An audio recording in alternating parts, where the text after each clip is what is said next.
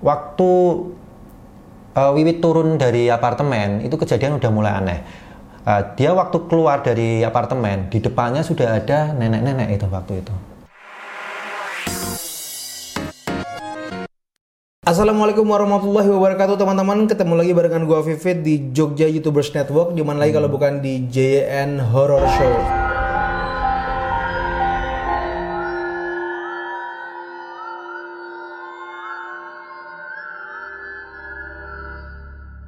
Senang banget gua bisa ketemu lagi sama teman-teman Nyapa kalian semua dengan cerita-cerita mistis yang pastinya bikin kalian semua merinding guys Oh ya buat kalian yang dengerin eh, nggak di YouTube tapi di mungkin di mobil atau mungkin di pas lagi gak pegang HP atau pas lagi pegang radio ya udah gak zaman radio nih ya, mas ya. Iya.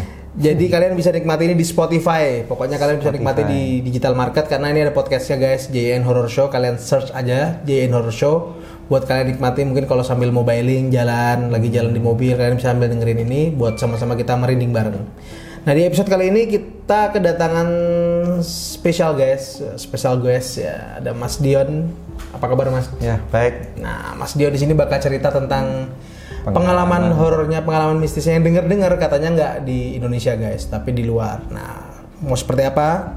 Cerita horornya, cerita mistisnya, kita langsung aja tanya ini. Gimana nih Mas? Ada cerita horor apa? Ya, ini kejadiannya di nggak di Indonesia ya, kejadiannya di eh, Jepang ya. Jadi sekitar tahun kemarin, tahun 2018 itu kita punya klien ya, klien eh, pengen liburan ke Jepang, tapi dia pengen yang apartemen, karena dia cuma berdua ya, berdua, terus didampingi oleh guide kita, tour guide kita namanya Wiwit ya, Eh, itu eh, dari awal ada request gitu kita oke oke pak kita carikan eh, apartemen. Eh, terus kita cariin apartemen. Boleh ngomong merek apa Ngomong websitenya boleh? Boleh ya kita cari dari Airbnb. Airbnb waktu itu sekitar bulan Juni ya Juni ah, Juli itu sekitar kalau nggak salah Juni akhir ya mau awal Juli. Nah, kita cari eh, saya sama temen ah, sama tim itu kita cari ah ketemu tuh apartemen. Apartemen ini aneh.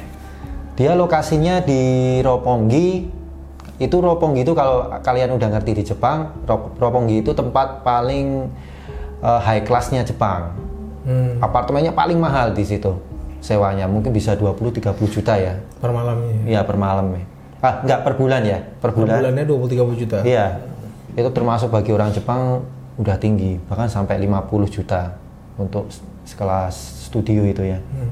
Nah, waktu itu kita cek, oh kamarnya ada tiga, Ada tiga kamar. ya tiga. Ah, itu harganya sangat murah, sekitar satu juta satu malam. Nah itu dan itu dia di Airbnb dia menceritakan bahwa ini apartemen baru baru dibuat ya maksudnya buat dibuat atau Gedung mungkin baru diri- gitu iya gedung gedung baru termasuk gedung baru terus tam- eh, kamarnya masih bersih bersih Hmm. Nah, ini awal mulanya kita langsung ah oke lah mau murah bagus ah ini udah keren ini kita pesen das. Nah, akhirnya eh, tim kita berangkat berangkat ke situ. Ah, itu sekitar hari Jumat kalau nggak salah. Saya masih ingat Jumat itu Jumat karena paginya eh, kliennya minta eh, sholat Jumat ya eh, di Tokyo. Habis itu malam masuk ke apartemen apartemennya bagus sekali katanya. Bener-bener semua barangnya baru. Hmm. pokoknya barangnya baru. Terus hmm, semuanya baru perabotannya. Ya kita nggak menaruh curiga ya. Terus oke apa mulai tinggal di situ. Malam pertama nggak ada masalah. Malam pertama nggak ada masalah.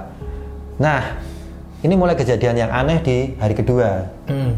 hari kedua itu eh, salah satu anaknya dari klien itu katanya merasa terganggu. Tapi kita cuek ya maksudnya eh, kita mungkin terganggu apa sih? Di Jepang kan sepi ya. Nah, terganggu apa sih? Nah, yang mulai aneh eh, tim kita yang nemenin mereka itu sering dipanggil tapi nggak ada orangnya misalnya Tapi dipanggil nama atau di cuman Ya, dipanggil nama. Misalnya ada yang jauh dari belakang. Namanya kan Wiwit. Wit, kapan nih kita pergi gitu. Nah, itu kadang dia nggak ngerti kenapa waktu dia nyari itu nggak ada orang. Nah, itu udah hari kedua udah mulai aneh. Terus itu sore ya, kejadiannya mulai malam, mulai aneh lagi. Eh, yang klien kan beda kamar. Katanya yang klien tuh cerita waktu paginya cerita "Eh, kalau malam Mas Wiwit sering masak ya? Gitu. Padahal kan Wiwit nggak pernah masak. Ah, dan- ya malam itu kayak pada rame orang masak gitu ya. iya kayak yang di dapur tuh masak. Nah itu seperti itu. Itu hari kedua hari itu belum terlalu ini belum terlalu parah ya. Nah, hari ketiga itu karena lama kan itu sekitar 10 hari. Hari ketiga eh, anaknya dari klien tuh panas. Sakit. iya agak di- Demam gitu. demam gitu. Agak demam. Dia apa eh, perasaannya nggak enak terus jadi badannya agak demam terus. Nah waktu eh, Wiwit turun dari apartemen itu kejadian udah mulai aneh Eh, dia waktu keluar dari apartemen di depannya sudah ada nenek-nenek itu waktu itu. Nenek-nenek orang Jepang. Tapi dia udah laporan ke saya waktu itu mulai ada kejadian aneh. Aku pikir wah ada apa ini? Coba kamu nanya eh, ke penjaga apartemennya. Tapi oke mas besok besok pagi aja lah. Nah terus anehnya itu waktu dia keluar cari obat itu neneknya itu tiba-tiba di depan apartemennya Di depan apartemen. Iya, di depan apartemen. Terus dia nanya dengan bahasa Jepang, eh, kamu orang baru ya di sini ya? Mulai kapan? Ah, mau berapa lama? Ya ngobrol biasa. Nah, terus masuk ke lift Hmm. juga berdua. Akhirnya Wiwit turun dan keluar. Nah, dia cerita ke aku, aku udah mulai aneh. Itu penghuni nggak mungkin kayak gitu karena di Jepang itu eh, mereka sangat privasi, kadang jarang nanya. Kenapa seagresif itu ya nanyanya agak detail, agak mau mau ke mana besok ya. Mungkin ada yang friendly ya, tapi jarang lah di apartemen di Jepang. Akhirnya eh, Wiwit habis beli obat pulang lagi, terus eh, malamnya itu mulai agak yang aneh. Itu bingkai-bingkai katanya klien itu pada gerak. Bingkai-bingkai foto gitu. jadi di tempat tidur itu di atas kan ada bingkai kecil gini. Wah. nah, itu bingkainya eh, tiba-tiba jatuh. Terus kadang gerak gitu. Hmm. nah itu yang mulai agak ngeri di situ teman-teman. Jadi eh, malam itu agak ngeri juga. Karena pertama kita udah diganggu dari sore em, terus malamnya eh, timku turun untuk cari obat dia udah ketemu dengan nenek-nenek yang aku udah prediksi itu nenek-nenek mungkin bukan penghuni di situ Tapi itu eh, sosoknya manusia gitu. Kalau kata eh, kata krunya Mas Dian tadi. I- ya kayak manusia sih cuma nah nanti anehnya waktu hari kedua eh hari ketiga ya Hmm. Dia ngabarin aku ke, eh, masalah malamnya itu yang parah itu yang bingkai pada jatuh. Eh, hari ketiga parahnya aku tanya Wit tolong tanya ke front office ada nenek-nenek nggak yang ditinggal di situ? Iseng aja sih karena ini kok udah mulai aneh banget. Eh, waktu nanya bener neneknya itu nggak ada di situ. Gak ada yang tinggal Ah, gitu. Nggak ada. Nggak ada nenek yang selama ini tinggal di situ. Hmm. Adapun mungkin berpuluh-puluh tahun kalau nggak ngerti ya. Maksudnya nggak ada. Dia bilang nggak ada sama sekali. Hmm. akhirnya aku searching eh, aku tanya ke temen orang Jepang dia ngomong serius Dion kamu dapat apartemen seperti itu? Kenapa? Biasanya kalau seluruh eh, eh, perabotan diganti baru itu biasanya ada yang bunuh diri di situ Oh gitu. Ya istilahnya itu udah eh, katanya untuk eh, Buang sial atau gimana gitu lah ya. ya ha, Semacam semua itu. perabotan atau pemilik eh, barang itu harus eh, yang memiliki barang itu harus eh, dibersihin, diganti Hmm. baru semua. Cuma masih kadang ada kasus-kasus seperti itu. Ah, itu biasanya yang untuk agen-agen properti di Jepang untuk nutupin. Nah, cuma kadang masih banyak kasus-kasus seperti itu. Oke lah, aku nanya orang Jepang seperti oh ya mungkin ah, mungkin ini baru aja gitu ya, maksudnya memang diganti baru tapi nggak ada. Nah, hari selanjutnya itu semakin parah. Terus Wiwit juga udah mulai nervous kan dia nanya kok nggak ada orang tua di sini gitu.